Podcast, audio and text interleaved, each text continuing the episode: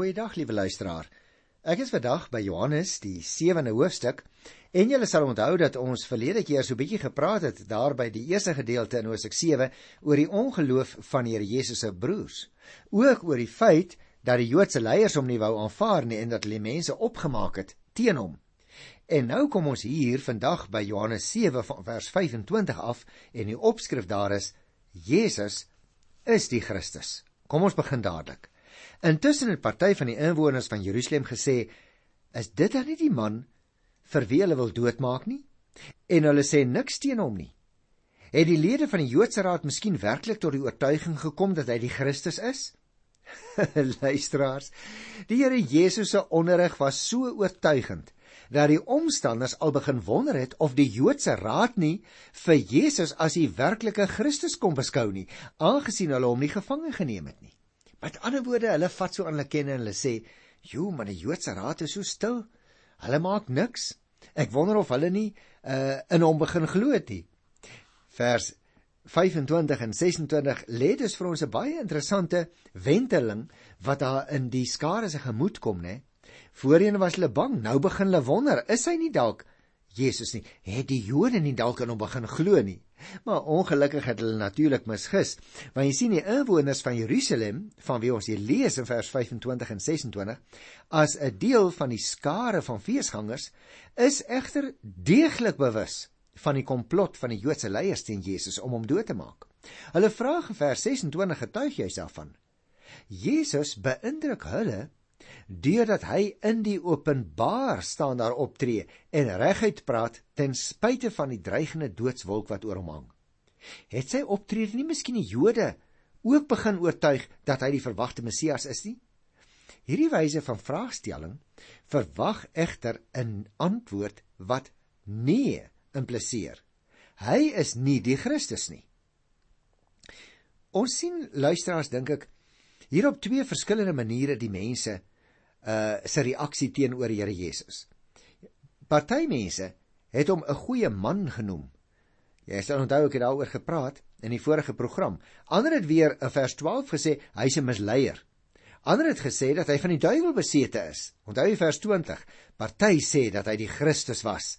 Kom ons nou hier in vers 26 agter. Sommige sê dat hy 'n profeet is. Dit gaan ons later sien in vers 40. En sommige dat hy gearresteer moes word. Dit gaan ons ook teekom in vers 44. 'n Keuse met ander woorde oor die ware identiteit van die Here Jesus is 'n alles beslissende reaksie wat die Here eintlik van ons vra. Kom ons lees hier van vers 27 tot 29. Ons weet tog so staan daar waar hierdie man vandaan kom. Maar wanneer die Christus kom, sal niemand weet waarvandaan hy kom nie. Terwyl Jesus die mense in die tempel leer, het hy uitgeroep: "Ja, julle ken my. En julle weet ook waar ek vandaan kom. En tog, tog het ek nie uit my eie gekom nie, maar dit is die ware God wat my gestuur het en vir hom ken julle nie. Ek ken hom omdat ek van hom afkom en hy my gestuur het." Nou luisteraars, is belangrike uitsprake. Laat ek net eers in die algemeen enkele opmerkings maak. Die mense het dus geglo dat die Messias eenvoudig net sou in allingstekens as ek dit so mag sê, verskyn. En hulle weet dat Jesus nie maar net verskyn het nie. Hy is die seun van die skrynwerker van Nasaret en daarom nie die Messias nie. Nie in hulle oë nie. Hulle is egter nie die Ou Testamentiese verwysings na die herkoms van die Messias so geïnterpreteer nie gaan kyk gerus weer in Micha 5 by die tweede vers. Telkens word die Jode dus daaraan herinner dat Jesus vanaf God die Vader kom. Al wil hulle dit ook nie aanvaar nie. Hy is op pad terug na sy Vader toe. As ek nou in detail oor hierdie verse sou gesels, dan sou ek daar by vers 27 wil opmerk, die inwoners van Jerusalem weet natuurlik waar Jesus vandaan kom. Jy het dit ook gesien wat daar geskrywe staan, luisteraar. Hy is immer die timmerman seun uit Nasaret. Volgens hulle sou die oorsprong van die Messias wat moes kom 'n misterie wees. Daarom kan hierdie man voor hulle nooit die Messias wees in hulle eie oë nie. En tog, tog luisteraars het die skrifgeleerdes volgens Matteus 2 aan Herodes verduidelik dat die Messias volgens die profeseë van byvoorbeeld Micha 5 daar in die eerste vers in Bethlehem gebore sou word. Die 28ste vers leer vir ons dat die Here Jesus reageer met 'n openlike uitroep. Nou dit is waar dat hulle weet dat hy van Nasaret afkom, maar dit is ook waar dat hulle nie weet dat hy deur die Vader gestuur is nie en vir hom ken hulle dan ook nie. Jesus, luisteraars, is die gestuurde. As hulle die Vader geken het, sou hulle hom Jesus herken het as die gestuurde van die Vader en ek dink dis belangrik dat ons daardie opmerking ter harte sou neem wat dit geld vandag nog. Die Here Jesus sê dat die Jode nie die Vader ken nie, anders sou hulle hom ook herken vir wie hy is. En dit is vandag nog so. Die Jood herken die Here Jesus nie omdat hy juis as gevolg van ontrou aan dit wat die Ou Testament ons leer maar ook vanweë sy eie denkrampie nie meer ruimte gee vir die Vader in sy gedagtes nie. Daarom skryf die Nuwe Testament in geen onduidelike taal nie as iemand nie die Vader ken nie, ken hy ook nie die Seun nie. Luister nou na vers 30 en 31. Hulle wou Jesus toe gevange neem en tog niemand het gedoen nie omdat sy tyd nog nie gekom het nie. Maar baie van die mense het tot geloof in hom gekom en het gesê wanneer die Christus kom, sal hy tog seker nie meer wondertekens doen as wat hierdie man gedoen het nie. Jy sien, die inwoners van Jerusalem wou hom toe gevange neem staan daar. Maar Jesus se tyd het nog nie aangebreek nie. Onthou nog, ons het dit ook teëgekom in die 6ste vers waar hy dit self gesê het. Die gebeure, luisteraars en die woorde wat hulle hoor het juis die teenoorgestelde effek op die op omstanders van die Here Jesus. Hulle glo op grond van Jesus se oortuigende wondertekens dat hy die Messias moet wees. Eers in die Nuwe Testamentiese tydvak egter is die Messias ook as 'n wonderdoener beskou. En nou kom ons by 'n volgende afdeling. Die opskrif daarvan is Jesus sê dat hy weggaan. En dis 'n belangrike gedeelte luisteraars en daarom gaan ek ook so vers vir vers daarby stil staan vers 32. Die Fariseërs het gehoor wat die mense oor hom gefluister het. En hulle en die priesterhoofde het wagte gestuur om hom gevange te neem. Jy sien nou, die Fariseërs as die bewakers van die wet van Moses en die Joodse tradisie was 'n noue voeling met die openbare mening oor Jesus. Hulle die priesterhoofde, dis nou natuurlik die hoë priester en die gewese hoë priesters met hulle Sadduseëse families, hulle was natuurlik die gesagsvoerders in die tempel. En hulle het toe die tempelpolisie gestuur om 'n geskikte oomblik af te wag om Jesus gevange te neem. Is dit nie verskriklik nie? Vers 33 en 34 Jesus sê toe: Nog net 'n kort rukkie is ek by julle. En dan gaan ek terug na hom toe wat my gestuur het. Julle sal my soek en my nie kry nie want waar ek is, daar kan julle nie kom nie. Natuurlik gryp die Here Jesus se woorde hier terug na vers 29. Jy sal onthou waar Jesus gesê het dat die Vader hom gestuur het. Met ander woorde, sy lewe en sy sending word deur die Vader bepaal en nie deur die Joodse owerhede nie. Daarom gaan die Here Jesus na 'n kort tydjie noem hy dit terug na die Vader toe vers 34 het juis verwys na Jesus se dood en die verheerliking by die Vader. Luister nou na vers 35 en 36. Toe sê die Jode vir mekaar: "Nou waarheen sou hy van plan wees om te gaan dat ons hom nie sal kry nie? Hy is tog nie van plan om na die Griekssprekende Jode in die buiteland toe te gaan en die Grieke daar te leer nie. Wat bedoel hy met die woorde: "Julle sal my soek en nie kry nie, want waar ek dan is, kan julle nie kom nie?" Dit is my baie interessant Hulle raak nou so 'n bietjie onrustig, né? Want Jesus se bestemming is vir die Jode 'n raaisel. Bedoel Jesus moontlik dat hy na die Griekssprekende Jode in die verstrooiing toe gaan om daar in die sinagoges vir hulle te gaan preek? Dis nog 'n misverstand. Jy sien, die Jode herhaal Jesus se woorde, want hulle snap niks van Jesus se dood en sy verheerliking by die Vader nie. Sy herkoms en sy bestemming lei tot allerlei misverstande. Vers 37 kom ons nou by 'n ander opskrifie wat sê strome lewende water. O, oh, ek is haastig om dit te lees want dit is wonderlike woorde luisteraars. 37 op die laaste dag, die groot dag van die Hittefees, het Jesus daar gestaan en uitgeroep: As iemand dors het, laat hom na my toe kom om te drink. met die een wat in my glo, is dit soos wat die skrif sê, strome lewende water sal uit sy binneste vloei. O luisteraars, die Here Jesus se uitnodiging dat almal wat dors het by hom moet gaan drink, hou natuurlik verband met die skrifgeleerdes wat gepraat het oor die lewegewende seun van die Messias. Gaan kyk maar Jesaja 12 vers 2, dan gaan jy dit ietsie daarvan terugkry. Maar die blote feit dat die Here Jesus die Heilige Gees aan alle gelowiges gee, is vir my 'n duidelike bewys dat hy die Messias is. Want dit is slegs die Messias wat so iets kan doen. En daarom, jy moet jou onthou, in Johannes 4 by die 10de vers het die Here Jesus alreeds die woorde lewende water gebruik. Om onthou jy in sy gesprek met daardie vrou, die Samaritaanse vrou by die put. Hier verwys dit nou na die Heilige Gees. Die twee dinge hang dus ten nouste saam, want as 'n mens die ewige lewe het, is die Heilige Gees in jou lewe werksaam. En waar die Heilige Gees se teenwoordigheid aanvaar word, bewerk hy natuurlik die ewige lewe tussen hakies, ons gaan nog daarby kom, maar laat ek so lank net sê. In Johannes 14 tot 16 leer die Here Jesus vir ons baie baie meer omtrent die Heilige Gees, maar ons gaan nog daar, daarby kom. Hy het op Pinksterdag natuurlik kragtig op Jesus se volgelinge neergedaal. Dit ken jy en ek uit Handelinge 2, maar die Jode en die mense van daardie tyd het dit natuurlik nog nie ervaar nie en daarom kon hulle dit ook nie glo nie. Hulle wou dit ook nie aanvaar nie. Maar luister hoe duidelik sê die 39ste vers juis vir ons. Hiermee, dis nou die lewende water, het hy na die Gees verwys. Van die mense wat tot geloof in hom kom, sou die Gees ontvang. Die Gees was nog nie uitgestort nie, omdat Jesus toe nog nie verheerlik was nie. En daar het ons sommer die verklaring hoekom hulle nog nie regtig verstaan het nie.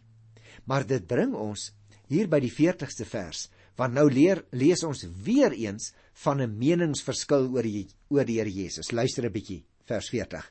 Party van die mense wat hierdie woorde gehoor het, het gesê hy is werklik 'n profeet. O, jy sien Jesus se uitroep dat diegene wat dors het na hom toe moet kom, het party van die mense staan daar so aangegryp dat hulle Jesus die profeet genoem het. Dit is die persoon wat volgens die Joodse verwagting sou kom voordat die koninkryk van God sou aanbreek. Vers 41 vertel vir ons, maar ander het weer gesê hy is die Christus. Met ander woorde, nie 'n profeet nie, maar hy is die Christus. Maar nou is daar nog ander wat gesê het, die Christus kom tog nie uit Galilea nie. Luister as jy merk op. Sommige toemhoorders gaan nader en hulle sê hy is die Christus. Dit is nou natuurlik die uh, Messias of die gesalfde wat verwag is volgens Deuteronomium 18. Christus, luisteraars, is 'n titel wat Here Jesus se amp aandui. Sommige reageer egter deur die herkoms van die Messias vanaf Nasaret in Galilea dadelik te bevraagteken. Maar luister nou vers 42. Die skrif sê mos die Christus kom uit die nageslag van Dawid en uit Bethlehem, die dorp waar Dawid was. Jy sien, hulle beroep hulle op die skrif. Dit is altyd 'n goeie ding om te doen. Hulle wys daarop dat die Messias uit die nageslag van Dawid kom. En dit is ook vir ons voorsê, nê, in 1 Samuel 20 daarby vers 6. Micha 5, ek het nou net nou al daarna verwys, is natuurlik in uh, Jesus se tyd beskou as 'n verwysing na die geboorteplek van die Messias, alhoewel dit oorspronklik net gedui het op die Dawidiese oorsprong van die gesalfde.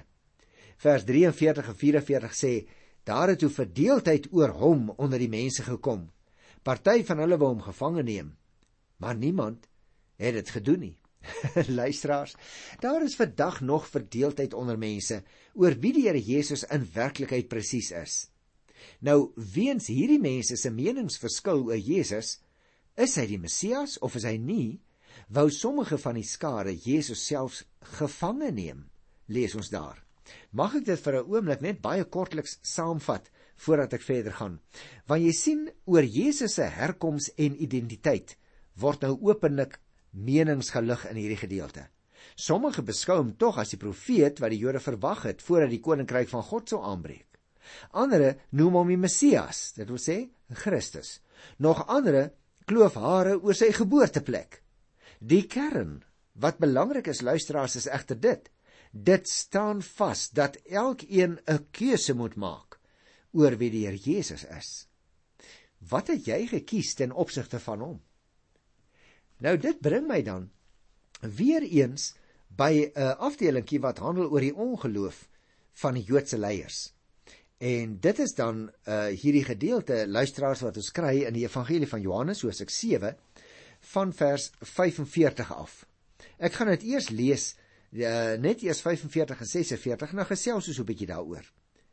Daarna het die wagte na die priesterhoofde en die fariseërs toe teruggegaan en die het vir hulle gevra: "Waarom het julle hom nie gebring nie?" Die wagte het geantwoord: "Nog nooit het iemand gepraat soos hierdie man nie." O, oh, luisteraars, is my wonderlike woorde wat ons hier in die Bybel aangeteken vind. Hierdie meningsverskil oor Jesus. Jy merk op die Joodse leiers het natuurlik gesag gehad oor burgerlike en godsdienstige sake wat die Romeinse owerheid as minder belangrik beskou is. Hulle byvoorbeeld, as ek net dit mag noem, die tempelwagte beheer.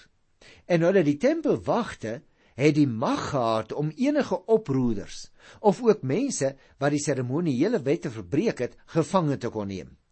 Die wagte kon egter niks oortuigend vind op grond waarvan hulle die Here Jesus kon arresteer nie.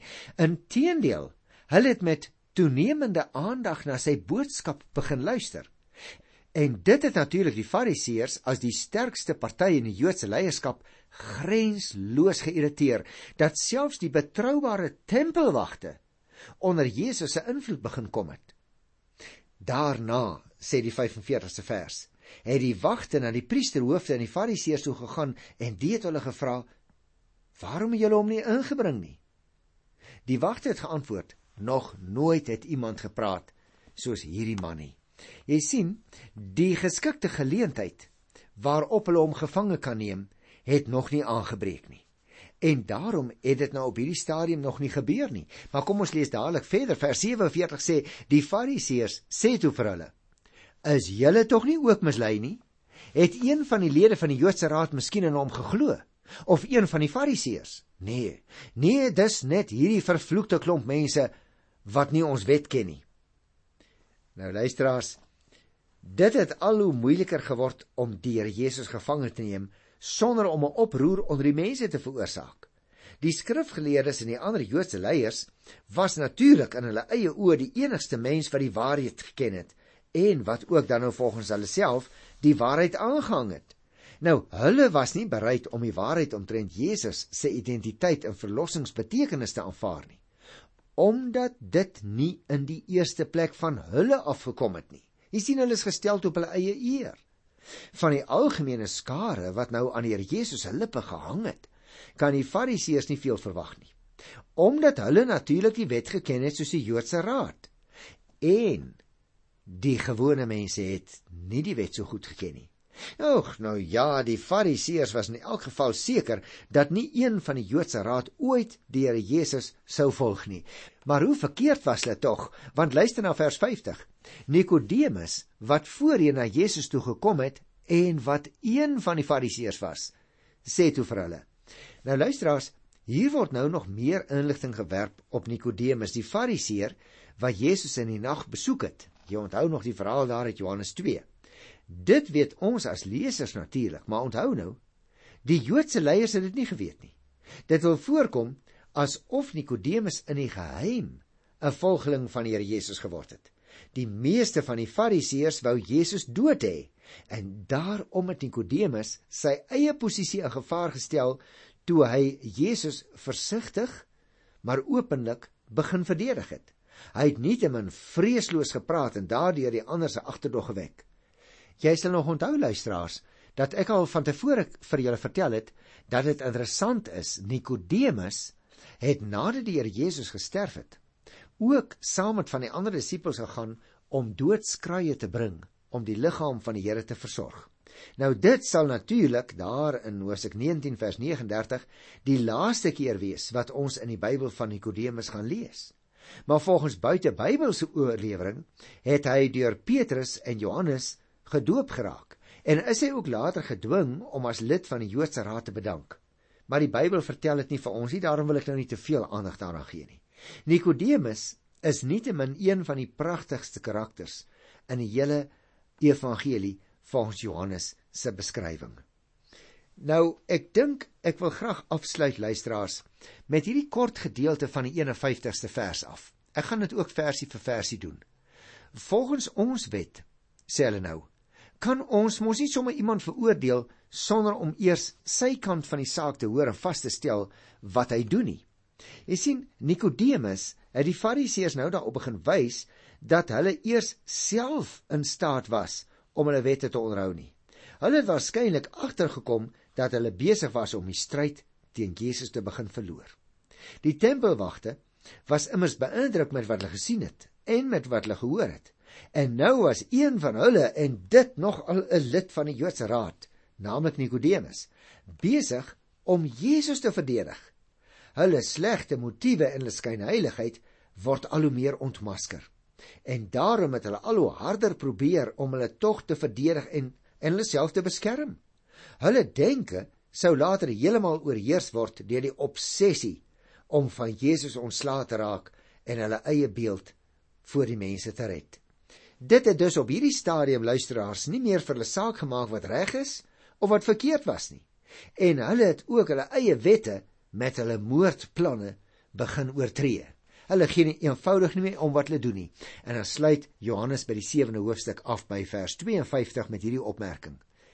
Hulle sê toe vir hom: "Jy kom tog nie ook van Galilea af nie?" Ondersoek die skrif en jy sal sien dat God niemand wat uit Galilea kom as profeet roep nie. O, luisteraar, die raad oorweeg nie eens Nikodemus se woorde billik nie, maar hulle val hom dadelik persoonlik aan. Hulle sê vir hom: "Jy kom tog nie ook van Galilea af nie?" Met ander woorde, dis so 'n bietjie smalend. Hoor jy die smaad daarin, luisteraar? Hulle oorhaastige beroep op die skrif dat God nie iemand laat kom uit Galilea nie. Dat iemand ook nie iemand as profeet roep uit Galilea nie, is natuurlik foutief luisteraars en beperk God se mag om 'n profeet te roep van waar hy ook al wil.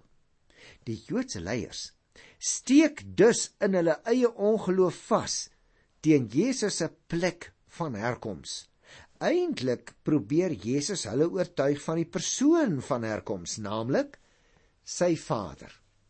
Luisteraar, jy en ek moet ook versigtig wees dat ons soms so halstarrig bly dat ons dikwels dit wat oor die Here Jesus gesê word en dit wat ons geloof soveel kan versterk dat ons dit nie wil aanvaar nie. Ek luister nou die dag na die getuienis van iemand En die persoon kom staan voor ons gemeente daar in Linwoodrif en vertel op 'n dood eenvoudige manier wat die Here Jesus vir haar persoonlik beteken het. Jy sien, sy het nie gekom met al die argumente wat hierdie mense het nie. Sy het nie gekom met al die kwel vrae waaroor mense in ons tyd soms wakker lê nie. Nee. Nee, sy het die Here Jesus dood eenvoudig aanvaar soos wat hy kom vertel het wie hy is. En daarom wil ek graag aan die einde van Hosea 7 hier in Johannes vandag vir jou weer 'n keer vernuwing vra. Ek is bang ek vergeet dit. Luisteraar, wil jy nie onbevange na die Here toe kom nie? Wil jy nie anders wees as die ongeloof wat deur die Joodse leiers uitgestraal word nie? Laat ons nie deelneem aan die meningsverskil en al die argumente oor wie Jesus is nie. Kom ons bely hom net soos hy ons geleer het vir wie hy is. Tot volgende keer. Groet ek jou in sy wonderlike wonderlike naam. Tot dan. Totsiens.